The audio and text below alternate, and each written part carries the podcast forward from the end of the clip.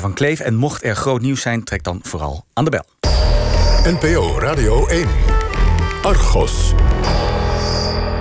Ja, dan nu spionage. Nederlandse inlichtingendiensten vergaren op allerlei manieren geheime informatie. Dat kan ook informatie over u en mij zijn.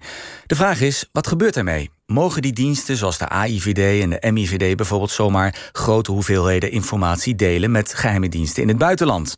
De wet zegt dat mag alleen als ze eerst heel goed hebben onderzocht om wat voor informatie het gaat, wat voor ruwe data het gaat. Maar aan die regel houden de diensten zich niet, constateerde deze week de commissie die toezicht houdt op die diensten. En dat is niet voor het eerst. Eerder al leidde het delen van data met het buitenland tot grote onrust in de Tweede Kamer. Zo zouden de Amerikanen bijvoorbeeld informatie van Nederlandse inlichtingendiensten hebben gebruikt om tegenstanders in Afrika met drone-aanvallen te doden. Dus ja, hebben wij wel genoeg zicht op de geheime diensten en wat zij allemaal uitspoken? Hoe controleer je of onze spionnen zich wel aan de wet houden? Want dat er allerlei spannends gebeurt in de schemerwereld van de spionage, dat is inmiddels wel duidelijk. Luister maar eens naar dit fragment uit het pas verschenen boek van Volkskrant-journalist Huip Modderkolk, waarin we horen hoe een teamleider van de AIVD samen met de Amerikaanse CIA probeert om in Amsterdam de Russen af te luisteren. En is bepaald geen techneut. Toch leidt ze in 2013 het Rusland- en China-team dat bij de AIVD onder digitale spionage valt. En, dan 53, is een carrièrevrouw. Gestaag werkt ze zich op. Ze specialiseert zich in contraspionage. Achterhalen hoe en waar andere landen Nederland bespioneren. Ze leidt ongeveer een jaar het Ruslandteam als er een Amerikaans verzoek binnenkomt in Zoetermeer. De FBI wil een zogeheten surreptitious entry doen. Heimelijk toegang krijgen tot een doelwit. De CIA in Nederland zal de operatie uitvoeren omdat het technisch vrij complex is en die vraagt of de AIVD kan assisteren. Het betreft een spionageklus in het centrum van Amsterdam. Ze verblijven in een hotel vlakbij Amsterdam Centraal. Het doelwit van de operatie is Kaspersky. Volgens de CIA komen de beste experts van het Russische beveiligingsbedrijf in oktober samen in Amsterdam. Kaspersky levert antivirussoftware aan 400 miljoen gebruikers wereldwijd. De AIVD en CIA overwegen microfoons in de hotelzaal te plaatsen waar de medewerkers zijn om ze af te luisteren. Een observatieteam van de AIVD zal de onderzoekers volgen als ze het hotel uitgaan. Een ander team zal proberen hun laptops uit de hotelkamer te halen en in handen van de CIA te geven.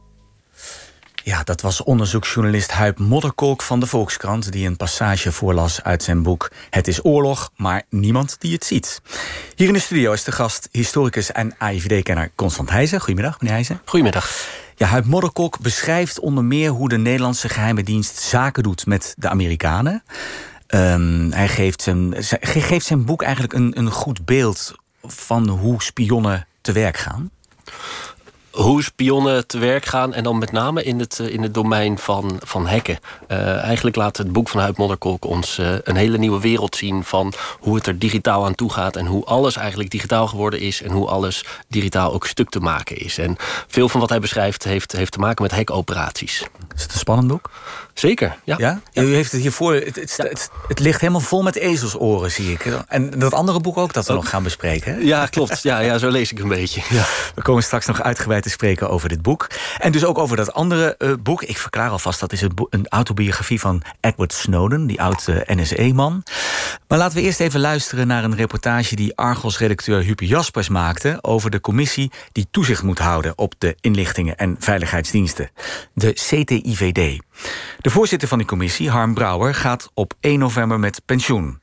Hoe kijkt hij terug op de roerige jaren sinds zijn aantreden? Op de onthullingen van de Amerikaanse klokkenluider Edward Snowden bijvoorbeeld. En ook op de nieuwe uitgebreide bevoegdheden die die diensten hebben gekregen.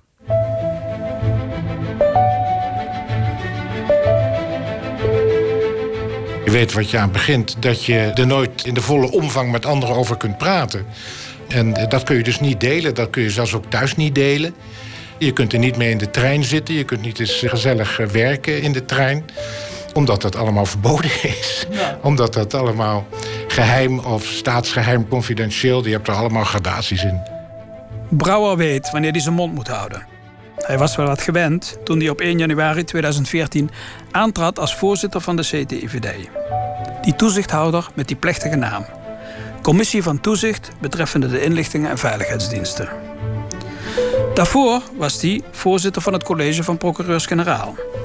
Zeg maar de hoogste baas van het Openbaar Ministerie. En bij het OM had hij ook de contacten met de AIVD in portefeuille. Maar als CTIVD-voorzitter moest hij nog meer op zijn woorden gaan passen.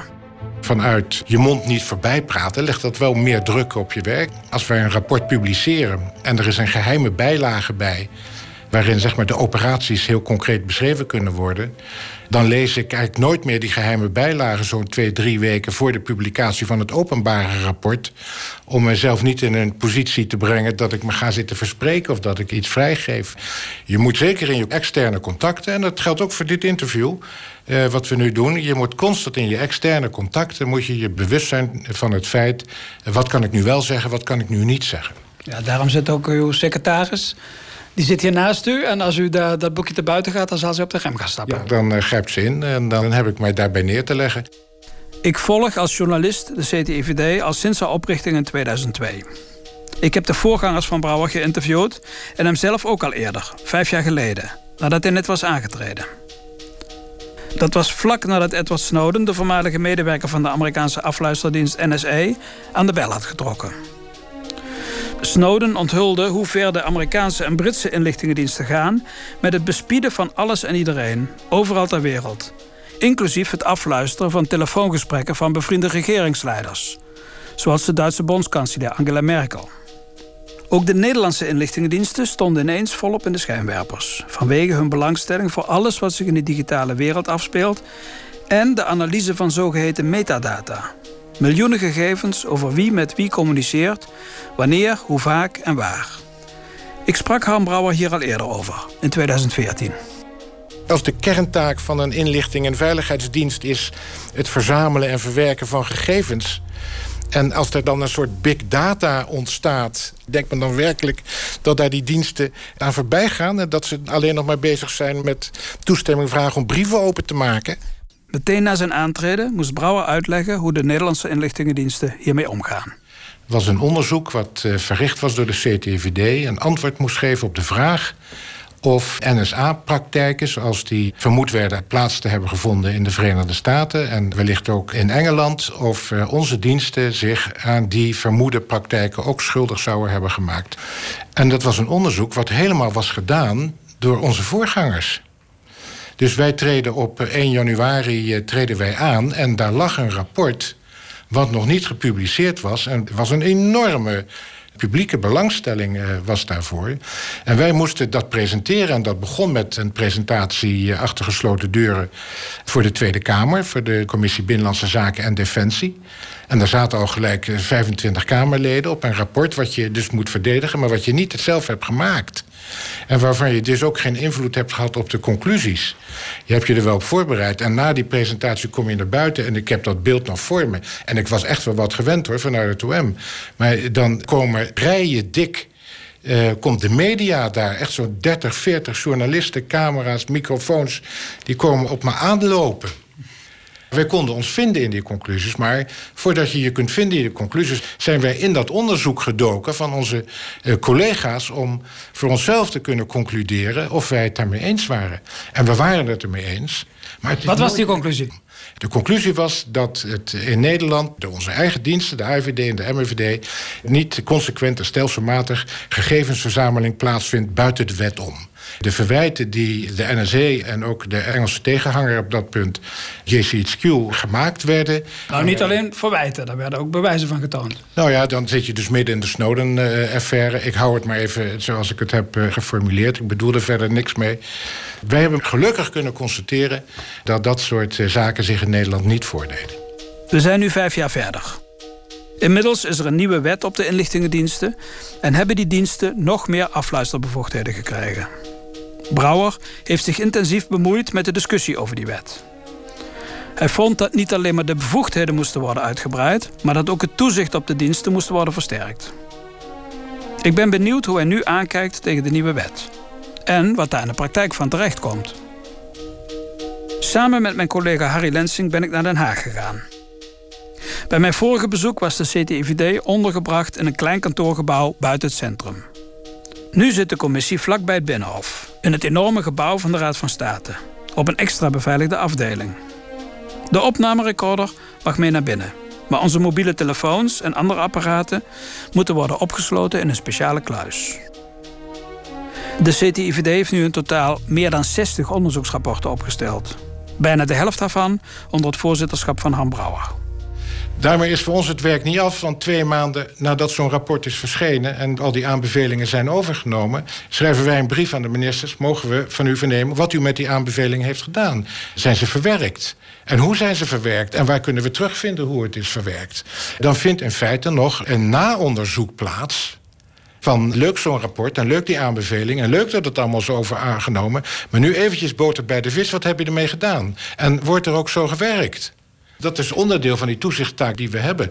En mochten we daar aanlopen tegen het feit dat het niet goed geregeld is... Ja, dan gaat er gewoon weer een brief naar de Kamer toe met de mededeling dat aanbevelingen allemaal zijn overgenomen... maar dat er eigenlijk niet zo heel veel mee gedaan is. Ik heb gelukkig zo'n brief nooit hoeven sturen. Dat vind ik ook wel iets zeggen over de positie die een toezichthouder ten opzichte van geheime diensten in Nederland inneemt en ook toekomt. In onze wet is een onderscheid gemaakt dat uh, de diensten wel een bevoegdheid hebben om ongericht te zoeken in de ether en via de radioverbinding en het satellietverkeer, maar dat is expliciet niet toegestaan voor het informatieverkeer op de kabel. En wij zeggen dus, die bevoegdheid voor de diensten moet ook gegeven worden voor het verkeer op de kabel. Dit zei Stan Dessens, de voorzitter van de gelijknamige commissie, in een interview dat ik in maart 2014 met hem had in Argos. Die commissie was door de regering ingesteld om de wet op de inlichtingendiensten te evalueren. Dessens dacht niet dat zijn advies veel stof zou doen opwaaien en hij verwachtte dat de Tweede Kamer zonder morren akkoord zou gaan. Het ging er alleen om de bevoegdheden van de AIVD en de MIVD aan te passen aan de technologische ontwikkelingen. Maar toen kwam Snowden. Zijn onthullingen leidden tot wereldwijde verontwaardiging en ineens ontstond er ook discussie over de nieuwe bevoegdheden van de Nederlandse diensten. Zeker. En ik vind het ook goed dat het een enorme discussie is geworden. Want dat geeft aan de kritische samenleving die er moet zijn. Ook ter legitimering van het werk van die geheime diensten zelf. We hebben als toezichthouder ons altijd uitgesproken voor die uitbreiding van de bevoegdheid. Tegelijkertijd moest plaatsvinden een uitbreiding van die waarborgen. Want die bevoegdheden die stonden er ook voor dat die diensten dieper konden ingrijpen in die persoonlijke levenssfeer van de burgers. En daar moesten extra waarborgen tegenover staan. Dat heeft het toenmalige kabinet ook altijd erkend. Maar dan gaat het vervolgens om de vraag van... en zijn die aanvullende waarborgen die in de wet zijn opgenomen... is dat nou voldoende? Ja, dan wel nee. En daar is een enorme discussie over uh, ontstaan. Ik heb dat altijd een hele goede ontwikkeling gevonden. En die ook uiteindelijk heeft bijgedragen aan een wet... die ons inziens ook voldoet aan de minimumnormen u heeft zichzelf als commissie in die discussie over die nieuwe wet behoorlijk actief gehoord. Zeker, ja. En sommige politici die hebben daar een beetje de wenkbrauwen over opgetrokken. Die zeiden, dit is de toezichthouder, die moet straks toezien op de naleving van die wet. En die toezichthouder die gaat zich nu bemoeien met hoe die wet eruit moet zien. Ja, klopt. Is dat niet raar dat een toezichthouder zich daarmee bemoeit? Nee. Ik zou niet weten waarom. Kijk, die wet op de inlichting en veiligheidsdiensten is een buitengewoon complexe wet. En die regelt het werk van geheime diensten. Die hun werk, willen ze effectief zijn, alleen maar in heimelijkheid kunnen verrichten. Activiteiten ontplooien, bevoegdheden inzetten die diep ingrijpen in de grondrechten van burgers, waaronder de bescherming van de persoonlijke levenssfeer, waaronder de privacy. Dat vraagt om toereikende waarborgen en dat vraagt om effectief toezicht daarop. Als je als toezichthouder vindt dat dat in zo'n wetsvoorstel niet het geval is, dan vind ik het, waar wij wel worden verondersteld als de oren en ogen van het parlement, dan vind ik het zonder meer voor de hand liggen en ook volstrekt gelegitimeerd dat wij het parlement daarvan op de hoogte stellen. We hebben geen vluchtschriften doen uitgaan naar de samenleving. We hebben geen advertentiepagina's in kranten gekocht. Nee, maar u heeft wel op een gegeven moment een rapport gepubliceerd... waarin u zei, op deze manier niet, deze wet. nou, meerdere rapporten. Het was er niet eens één. Het waren er meerdere. die we hebben gepubliceerd zeiden dat we in die opvolgende rapporten wel moesten constateren dat men opschoof. En dat het er wat dat betreft steeds beter uit ging zien. Om uiteindelijk nadat het hele parlementaire proces, Tweede en Eerste Kamer, was afgerond. En in de opmaat voor het eh, referendum. En na afloop van het referendum, de toezeggingen die het nieuwe kabinet toen maakte, de allemaal bij elkaar optel. En ook de inbreng van anderen. Het is niet alleen maar de inbreng van de CTIVD geweest. Ook de Raad van State of, of particuliere organisaties? Nou, zeker de Raad van State, maar ook particuliere organisaties. Maar ik wil de Raad van State er ook weer heel nadrukkelijk noemen... omdat de Raad van State en de CTIVD wat dat betreft op één lijn zaten. Dat alles heeft er wel mede toe bijgedragen... dat we een wet hebben die onzinziens voldoet aan de minimumnormen... die het Europees Verdrag voor de Rechten van de Mens zeg maar, ons oplegt. U was uiteindelijk positief ja. in uw laatste toetsing. Maar het referendum uh, had een negatieve uitslag. De Nederlandse bevolking bliefde de wet niet. Wat vond u daarvan? Wij vonden dat we met de billen bloot moesten. Wij vonden dat we op enig moment ten behoeve van het referendum ook tot een oordeel moesten komen. Na alles wat wij daaraan voorafgaand hadden geschreven en hadden gezegd. Dus wij hebben een standpunt ingenomen zoals dat standpunt luidt. Die wet die voldoet aan die minimumnormen van het Europees Verdrag voor de Rechten van de Mens... en andere normen die ontleent aan internationale verdragen... Nederland aan gebonden is. In de aanloop naar het referendum heeft u ook dat standpunt naar voren gebracht op de televisie. Hè? Dus gewoon gezegd, nu vinden we dat die wet minimaal voldoende waarborgen heeft. Dus wij zeggen ja tegen die wet critici, hè, die samen met u optrokken, die zeiden: ja, nou, krijgt die CTVD toch wel slappe knieën. Nee, Eerst. Dat heb ik nooit gehoord. En zo is het ook niet gegaan, want uh, wij vonden dat we de discussie moesten afronden. Dat men ook van ons een oordeel mocht verwachten. We zijn tot dat oordeel gekomen. En toen zijn wij, tal van maatschappelijke groeperingen, zijn wij afgegaan om te zeggen van. En wij zijn tot een standpunt gekomen. En dit standpunt luidt al dus. En dit zijn de redenen dat wij dat vinden. Verder is het natuurlijk aan de samenleving om een eigen standpunt in te nemen. Men is niet gebonden aan de CTVD. De kritiek was, het is een sleepwet. Dat was ook de reden voor mensen om het af te wijzen. Is het een sleepwet? Ik heb altijd wat moeite met die metafoor gehad, moet ik heel eerlijk zeggen. Ook in de tijd eh, dat het nog een wetsontwerp was. Uh, ik vond hem leuk gevonden. Het is een groot succes uh, geweest. Hij kwam, als ik me niet vergis, van Bits of Freedom uh, kwam die af. Maar ik heb het eerlijk gezegd nooit in sleepwet uh, gevonden. Omdat ook al in die ontwerpfase, maar zeker ook daarna met de erkenning dat er een permanente reductie moest plaatsvinden van gegevens, uh, al tijdens de verwerving ervan en tijdens de opvolgende verwerkingsprocessen na die verwerving ervan, als plicht die de diensten hadden, met tal van eikmomenten erin, die ons ook in staat stelden om in het kader van het toezicht na te gaan of dat ook daadwerkelijk gebeurde, dat ik het moeilijk een sleepwet kon noemen. Dus ik heb die metafoor zelf nooit gebruikt omdat de wet al zoveel waarborgen kende om te voorkomen dat het een sleepwet eh, zou worden. Maar toch vonden wij dat het op één punt versterkt moest worden. Dat er een criterium in de wet moest worden opgenomen... wat die diensten in acht hadden te nemen... op basis waarvan wij zelf ook goed konden toetsen... of er wel bij het binnenhalen van de gegevens... het kaf van het koren werd gescheiden. En dat was het criterium zo gericht mogelijk. We hebben daar vanaf het begin af aan op aangedrongen. En uiteindelijk is dat er ook ingekomen als een zelfstandig criterium... aanvankelijk eerst via een beleidsregel... maar op dit moment is bij de Tweede Kamer in behandeling een wetsvoorstel om dat ook als een wettelijk criterium op te nemen. Overeenkomstig de toezegging van het kabinet dat dat ook bij wet geregeld zou worden en niet in een beleidsregel. Geen sleepwet, zegt Brouwer. Ik ben benieuwd hoe andere kritische volgers van de diensten daarover denken, nu de nieuwe wet ruim een jaar van kracht is. Ik zoek Bart Jacobs op, hoogleraar computerbeveiliging aan de Radboud Universiteit in Nijmegen. Hij is een invloedrijke pleitbezorger voor privacy in de digitale wereld en adviseert de regering op dit terrein. Jacobs standpunt is duidelijk. Als de diensten tappen, moet dat wel zo gericht mogelijk gebeuren. Gegevens van burgers die geen doelwit van de diensten zijn, moeten zo snel mogelijk worden verwijderd uit hun systemen. Dat is niet altijd makkelijk, maar het kan door slimme technologie te gebruiken. Hoe kijkt Jacobs aan tegen de nieuwe wet en de bemoeienis van de CTIVD daarmee? De CTD heeft een paar kritische rapporten geschreven over wetsvoorstellen. Is scherp op een aantal punten geweest. Met name waar het gaat over de gerichtheid van de inzet. Bijvoorbeeld ook, uh, wat ik belangrijk vind, is de zorgplicht. Die bij diensten is komen te liggen als het gaat over de kwaliteit van de gegevens die ze gebruiken. En uh, die feedback van de CTVD heeft ook een belangrijke rol gespeeld in de parlementaire behandeling van deze wet. En is die wet ook beter geworden? Ik denk het zeker.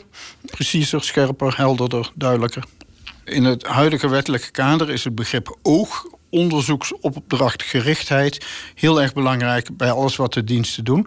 En daar is onlangs ook weer een rapport over gekomen. Waarbij CTVD heeft gekeken naar interceptie vanuit de ether, dus wat er uit de lucht werd gehaald. Dat deden de diensten vroeger al, mochten ze al onder de oude wet. Onder de nieuwe wet mochten ze dat ook, maar moeten ze het in één keer in dat oog kader doen. En daar is de CTVD kritisch naar gaan kijken. En hebben ze toch op een aantal punten gewezen en gezegd tegen de diensten: dit moeten jullie preciezer doen. Sneller weggooien, sneller beoordelen op relevantie. En dat zie ik toch als een uh, winstpunt.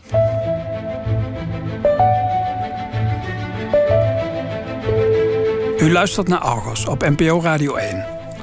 We hoorden net Bart Jacobs zeggen dat een scherpe selectie het uitgangspunt is in de nieuwe wet. Maar hoe gaat dat in de praktijk? We vragen het aan toezichthouder Harm Brouwer. De wet is er gekomen, is aangepast. Zo gericht mogelijk. Doen ze dat ook, de diensten? Wat wij constateren is dat er op het punt van beleidsvorming, op het punt van de werkproces, op het punt van de werkinstructies, dat er ja, grote achterstanden waren. En dat dat dus een hoog risico betekende dat er onrechtmatig gehandeld zou eh, worden al op dat moment. Dus die eerste voortgangsrapportage die sloeg ook publicitair en ook politiek als een bom in van wat gebeurt hier? Uh, en betekent dat dan ook dat er uh, gestopt wordt met de inzet van bevoegdheden? Nee, dat betekent het niet. Dan krijg je de tweede voortgangsrapportage. Die ziet er al een stuk beter uit. Daar zijn echt door de beide diensten grote sprongen vooruit gemaakt. Maar men was er nog niet. Wat is nou die conclusie die je eruit kunt trekken? Dat is dat de impact die de nieuwe wet had op de werkzaamheden van die diensten wat betreft hun administratieve organisatie, wat betreft hun beleid, werkprocessen en ga zo maar door, die toch wel staan voor de rechtmatigheid van het handelen, dat dat door iedereen enorm is onderschat. Op het moment van de invoering van de wet was er dus, ondanks alle inzet, moet je constateren, een grote achterstand. Dat zijn kinderziektes eigenlijk? Nou, nee, dat vind ik nou weer te makkelijk. Om dat nou maar als een kinderziekte neer te zetten. Want dat was op zich is dat een vrij ernstige situatie die geconstateerd wordt. Vervolgens is dan de vraag, hoe gaat men daar als dienst... hoe gaat men daar als kabinet mee om? Nou, ik kan alleen maar zeggen dat men daar heel goed mee om is gegaan... omdat alle zeilen werden bijgezet om op zo kortst mogelijke termijn... die sprongen voorwaarts te maken die ook daadwerkelijk gemaakt moesten worden. U heeft in de discussie over die nieuwe wet eigenlijk gewoon gezegd... de CTIVD die moet de bevoegdheid krijgen om nadat de minister toestemming gegeven heeft... voor het binnenhalen van bulkinformatie om daarnaar te kijken en gewoon te zeggen... dit mag of dit mag niet en dat moet bindend zijn. Dus als de CTVD dan concludeert binnen een paar dagen... nadat de minister zei, ja, doe maar... de CTVD zegt, nee, dat mag niet... dan moeten de diensten zich daarna houden. Dat is er uiteindelijk niet gekomen. Is dat een nederlaag? Voor wie? Voor u? Nee. Want u wilde kunnen zeggen... die operatie moet stoppen. Die bevoegdheid heeft u niet gekregen. Nee, maar men heeft wel een andere oplossing gevonden. Dus wat je nu hebt gekregen is een tip... de toetsingscommissie inzet bevoegdheden... die aan de voorkant uh, in de autorisatiefase... voor de inzet van de bevoegdheid de toestemming daarvoor moet geven... nadat de minister al de toestemming heeft gegeven. Dat is bindend. En wij zitten dus nog steeds tijdens de operaties en na afloop van de operaties. En komen tot oordelen ja, die dan niet bindend zijn wat betreft het toezicht. Maar we hebben daarnaast ook nog een klachtbehandeling. We hebben eigenlijk twee poten onder die CTVD. Die laatste hebben we niet zo besproken. Bij die klachtbehandeling zijn we weer wel bindend. Die, die tip, die, dat is een nieuwe commissie. Die is er gekomen eigenlijk om die bindende toestemming te geven. Ja. Daar zitten twee juristen in, twee oudrechters. En daar was ook een techneut nodig. Er waren uiteindelijk twee kandidaten. Eén kandidaat die zelf bij de diensten gewerkt had ook... en die zich in de discussie geroerd had... en eigenlijk gepleit heeft voor die nieuwe bevoegdheden, Ronald Prins. En een kandidaat die ook rondom uw eigen commissie actief is... die zit in de kenniskring, Bart Jacobs... die bekend staat als privacywaakhond, zeg ik maar even... Uiteindelijk is er gekozen toch voor Ronald Prins. Degene die eigenlijk het meer opneemt voor de bevoegdheden van die diensten. Was dat niet een domme keus? Helemaal niet. Nee. Had je dan niet beter iemand kunnen hebben die heel kritisch kijkt naar gaan die diensten niet te ver met het schenden van de privacy? Kijk, het waren twee kandidaten die het allebei hadden kunnen worden. Even geen misverstand.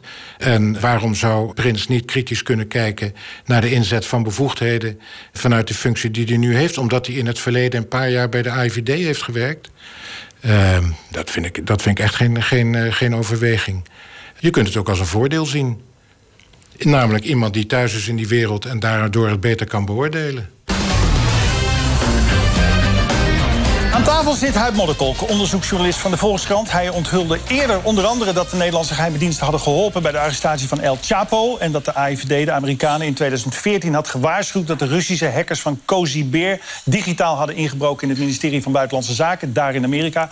Een paar uur geleden bracht hij opnieuw groot nieuws misschien wel wereldnieuws. Het journaal pikt het in ieder geval meteen op. De IVD heeft geholpen bij een omvangrijke hackaanval op het Iraanse kernprogramma. Blijkt het onderzoek van Volkskrant-journalist Huip Modderkolk. Als Nederland daar mee heeft geholpen, dan, dan verdient Nederland ook wel plaats in de geschiedenisboekjes. De vraag is wel of het een mooie plaats is in de geschiedenisboekjes. Want je zou kunnen zeggen, de operatie is geslaagd...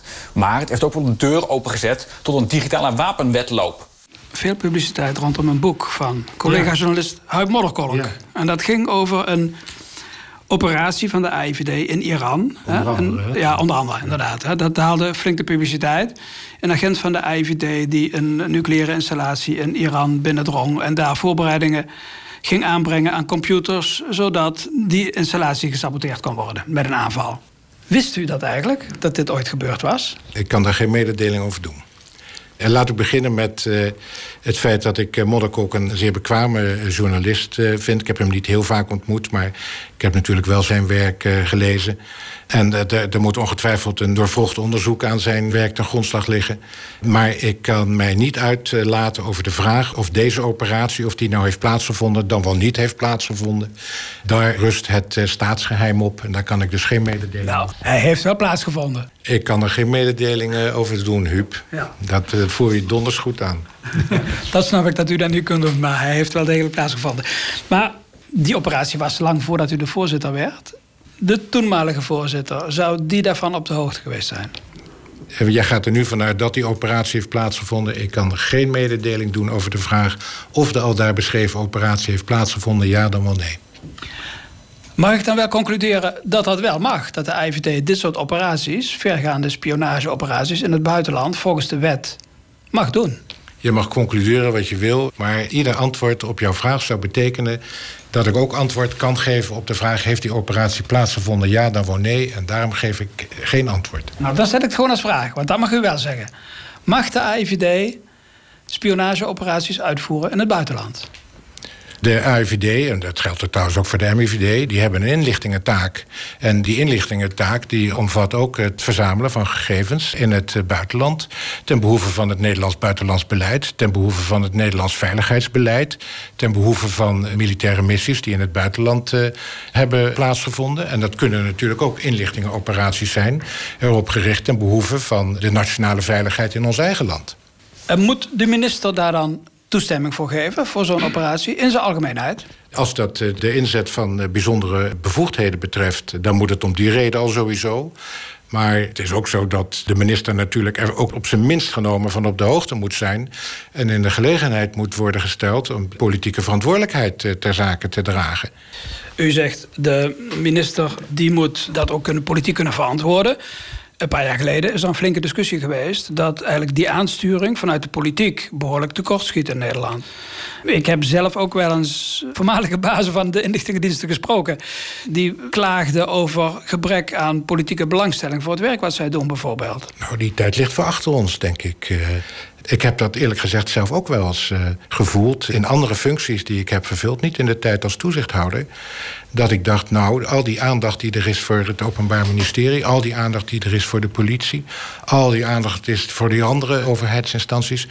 raar eigenlijk dat de geheime dienst, en dan had ik het met name over de IVD... daar zo buiten blijft... Maar bedoel, dan krijgen we, en dat valt ook samen met de komst van de nieuwe commissie... in januari 2014, daaraan voorafgaand hebben we de Snowden gehad. Hebben we de onthullingen van Snowden gehad. En dat heeft als een enorme katalysator gewerkt... waar het betreft politieke aandacht, waar het betreft maatschappelijke aandacht, waar het betreft media-aandacht. Nou, dat heeft elkaar ook allemaal versterkt. En dat viel, in dat proces van versterking traden wij aan. Ik heb het ook nooit zo gevoeld in een positie eh, verkeerd, ook als toezichthouder, dat wij zelf vonden dat er voor ons werk politiek eigenlijk maar weinig aandacht was. Integendeel. Dus maar goed dat we Edward Snowden gehad hebben. Edward Snowden met zijn onthullingen heeft de samenleving gevoelig gemaakt voor het werk van de diensten. En ik vind dan een geheime dienst, gegeven de aard van het werk wat ze doen, ook een kritische samenleving moet hebben. De diensten hebben het mandaat om in het buitenland te opereren. Kan het ook offensief? Bijvoorbeeld mag een dienst computers in het buitenland onklaarmaken als dat het doel dient om Nederland veiliger te maken? Als dat met alle toestemmingen en motiveringen en toeters en bellen overigens... Uh, is dat uh, onder omstandigheden is dat, uh, toegestaan. Daar kan de dienst zijn bevoegdheden voor inzetten. Ja. Nu ging het bij die operatie om een best bijzondere operatie. heeft u het idee, als het om dit soort grote operaties gaat... van de Nederlandse inlichtingendiensten... dat u daar als CTVD zicht op hebt, op al die operaties? Het hangt er natuurlijk af vanaf of we daar een onderzoek naar doen. Maar wij kunnen daar zonder meer bij. Er zijn geen beletsels om ons toegang te verschaffen, zelfstandig, rechtstreeks. Maar hoe maakt u dan een keuze welke onderzoeken u wel of niet onder de loep neemt? Dat is een, eh, nou, een goede vraag. We hebben daar een aantal criteria voor. Het kan goed zijn dat een bepaald onderwerp zo sterk leeft in de samenleving... dat wij zeggen, we gaan dat oppakken en we gaan dat onderzoeken de maatschappelijke relevantie van een onderzoek is voor ons ook een criterium wat we hanteren. Maar u weet niet wat u niet weet. Of bent u op de hoogte van alle onderzoeken die de dienst draait?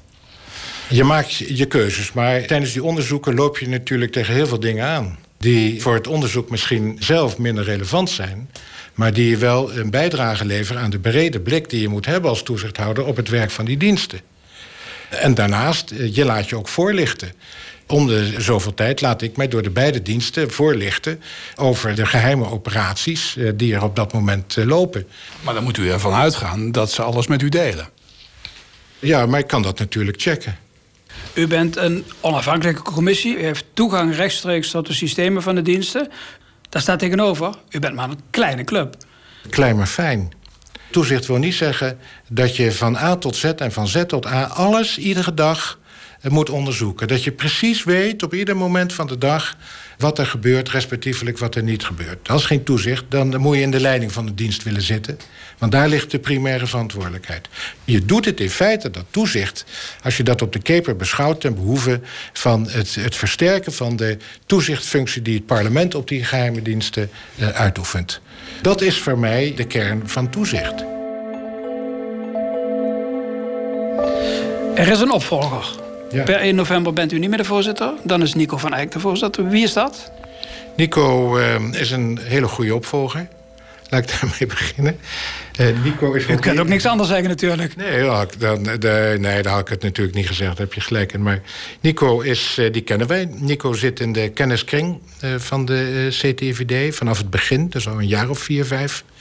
Nico heeft als lid van de kenniskring ook vanuit de tegenspraakrol die hij heeft te vervullen, heeft hij meegelopen met tal van onderzoeken. Nico is hoogleraar aan de Universiteit van Amsterdam, informatierecht onder meer, is dus helemaal thuis in de materie. Ik denk dat daarmee een hele goede keuze is uh, gedaan. Ik weet dat je nooit uh, moet bemoeien met de zaken van je opvolger. Toch, als u één advies zou moeten geven aan Nico van Eyck? Ik heb dat nooit gedaan. Ik heb voorgangers gehad die mij een heel testament nalieten. En, maar toch, even voor de luisteraar. Niet dat Nico dat misschien nodig heeft, maar wat vindt u belangrijk wat hij nu in de periode zou moeten doen als voorzitter? Um, we hebben twee geheime diensten, eh, zeer professionele geheime diensten. Maar een geheime dienst vraagt altijd om kritisch toezicht. En dat moet zo blijven. En dat moet zo blijven. Dank u zeer. Graag gedaan.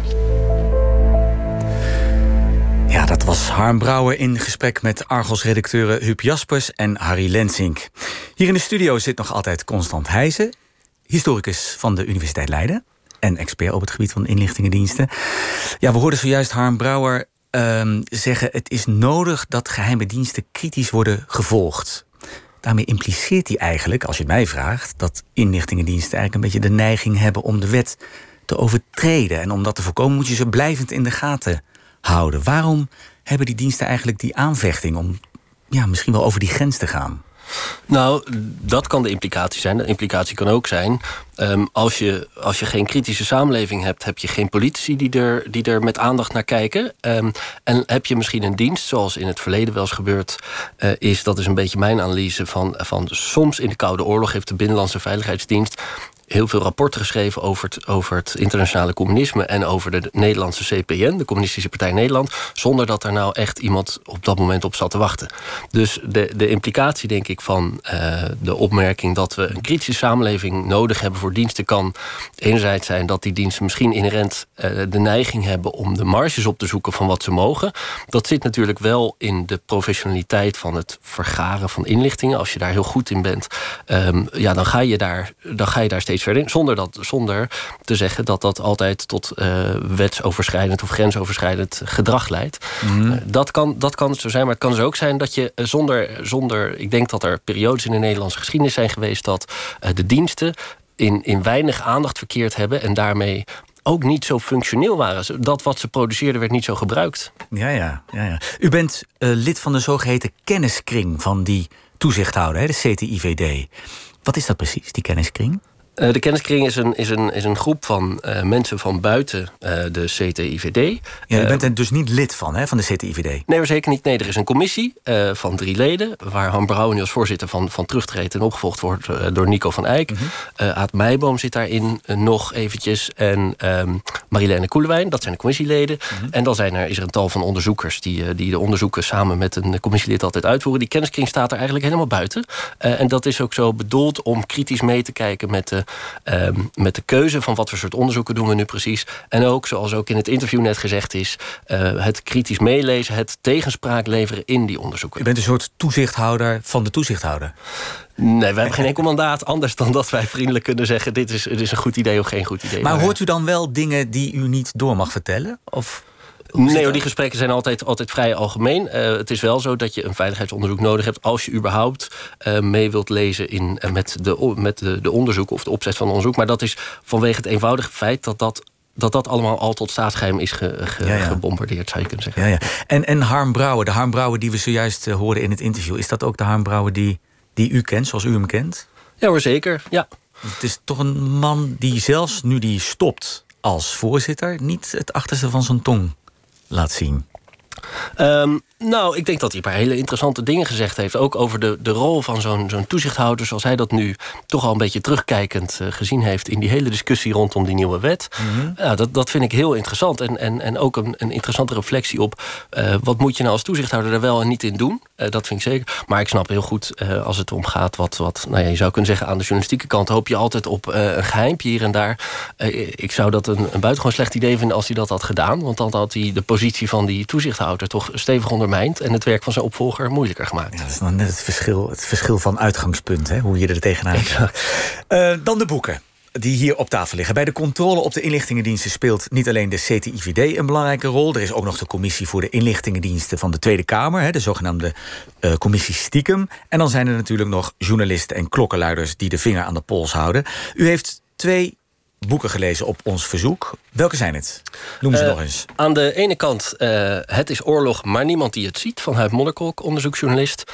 En aan de andere kant, um, ik heb de Engelse titel gelezen... Permanent Record van Edward Snowden... de klokkenluider, klokkenluider uit uh, de Verenigde Staten. onuitwisbaarste Nederlandse titel. Zijn, zijn allebei bestsellers. Vooral die van, van Modderkolk, die zie ik overal liggen... In de, in de top zoveel van, van best verkochte boeken. Hoe komt dat? Ik denk uh, dat, ze, dat het boeken zijn die heel goed in deze tijd passen. Je zou kunnen zeggen, zelfs uh, in het bijzonder voor het Nederlandse lezerspubliek... wij hebben die hele discussie, die noemden we net al eventjes... ook in het interview en nu net... Uh, over de wet op de inlichting en veiligheidsdiensten gehad.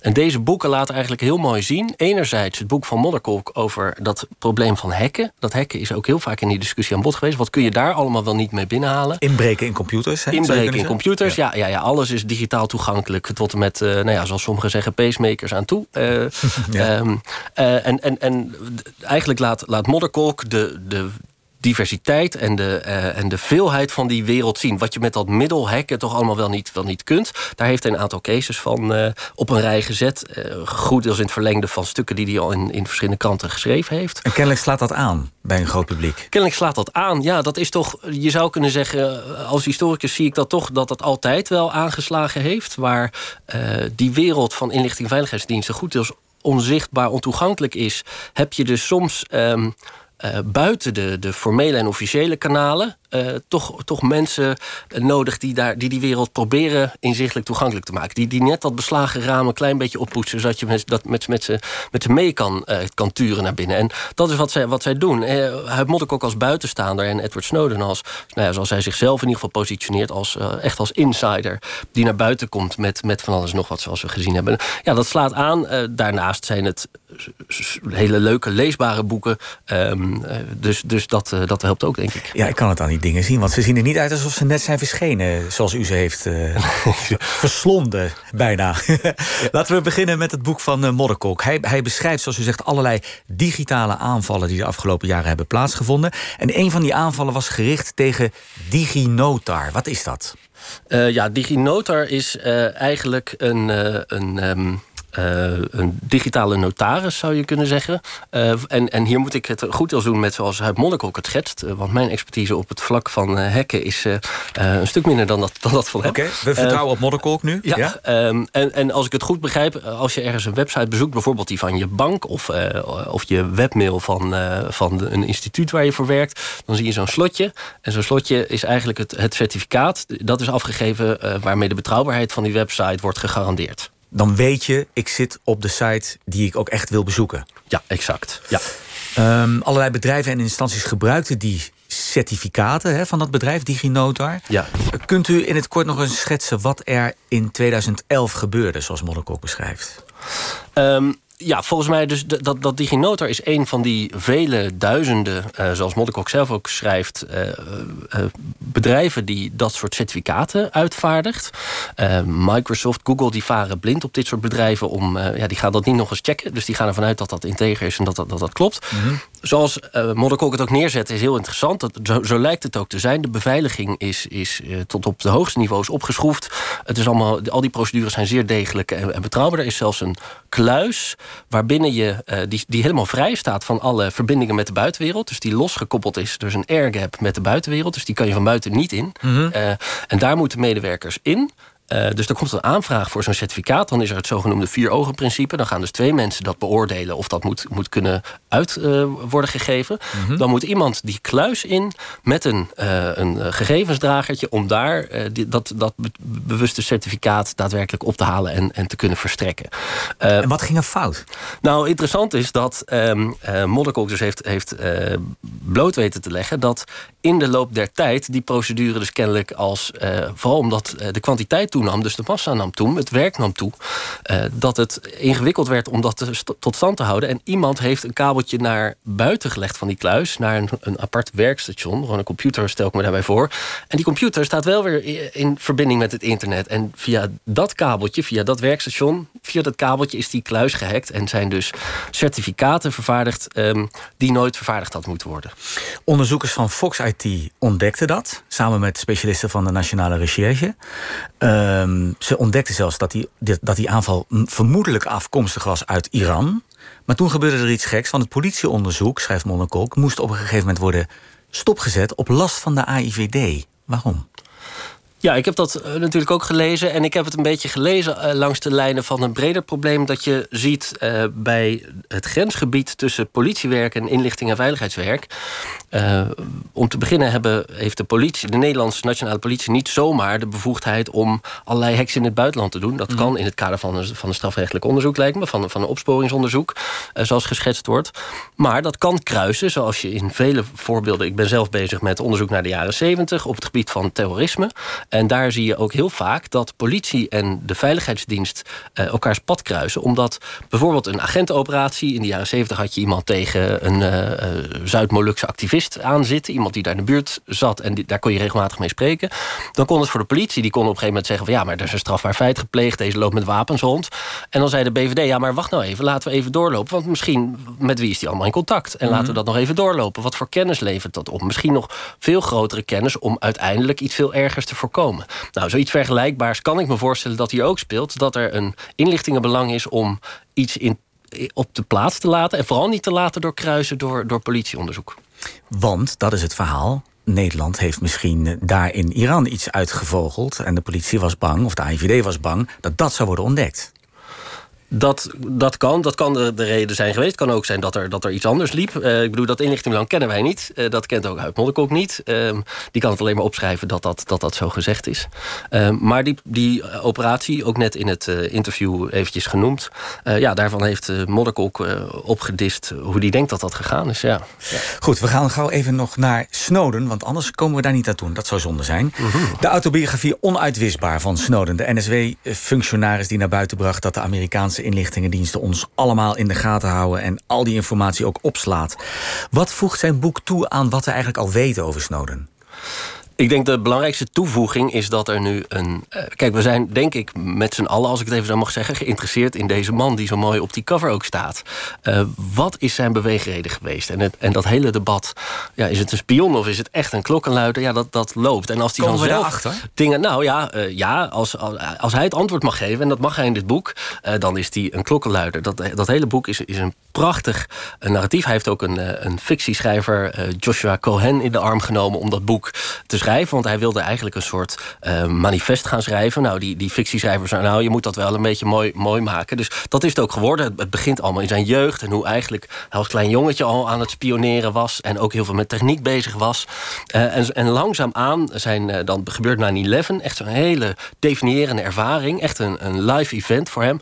Um, en, en dan beschrijft hij hoe hij in, in bepaalde stappen daarna tot dat inzicht komt dat wat die diensten doen niet voor het Amerikaanse volk is. Hij heeft eh, ook ergens noemt hij dat hij altijd de grondwet op zijn bureau heeft liggen. Dus die kent hij van voor tot achter. Ja, ja. Um, uh, maar dat dat er tegen was. En dat hij niet anders kon dan die spullen naar buiten brengen. Aan journalisten in de hand spelen. En met wat commentaar uh, eigenlijk gefaseerd de pers inspelen. Dat en, is, dat... en heeft hij u overtuigd? Is hij te goede trouw te werk gegaan? Het is te mooi om waar te zijn als je het boek leest. Het is zo prachtig. Hij verweeft zijn hele familiegeschiedenis. Zijn grootvader, pap uh, en, en zijn vader hebben uh, bij de kustwacht gezeten. Zijn moeder ook zelfs uh, met een security clearance verzekering gedaan voor inlichtingenpersoneel. Zijn, de, de Amerikaanse burgeroorlog die, die, die wordt wel vijf, zes, zeven keer genoemd. Dus hij verweeft zo erg zijn, zijn patriotische achtergrond hè, met die Amerikaanse geschiedenis. Um, dat het het is allemaal te gelikt. En dat hoort een beetje, misschien ook bij iemand die, die nu al een aantal jaar in toch een vorm van ballingschap leeft en terugkijkt. Um, maar uh, ja, het, het, maakt het wel heel interessant. Ja, of het waar is, is voor ons op geen enkele manier. Hij kan dit zelf geloven. Het kan dus echt zo zijn zoals hij het opschrijft. Uh, daar, daar kunnen we van uitgaan. Maar uh, of het echt zo is, moeten we nog zien. In ieder geval een lekker boek om te lezen, hoor ik zo. Zeker. Hartelijk dank voor uw deskundige kijk op het Nederlandse en Amerikaanse spionnenwerk, historicus en AIVD-kenner Constant Heijzen. Tot zover Argos, zo dadelijk op deze zender Radar met Misha Blok. En daarin gaat het onder meer over de vraag of het Belminiet-register eigenlijk wel werkt. En u krijgt tips over het verduurzamen van uw tuin. En verder houden we uiteraard u op de hoogte van het laatste nieuws over het Brexit-debat uit Londen. Ik wens u, deal or no deal, een fijn weekend.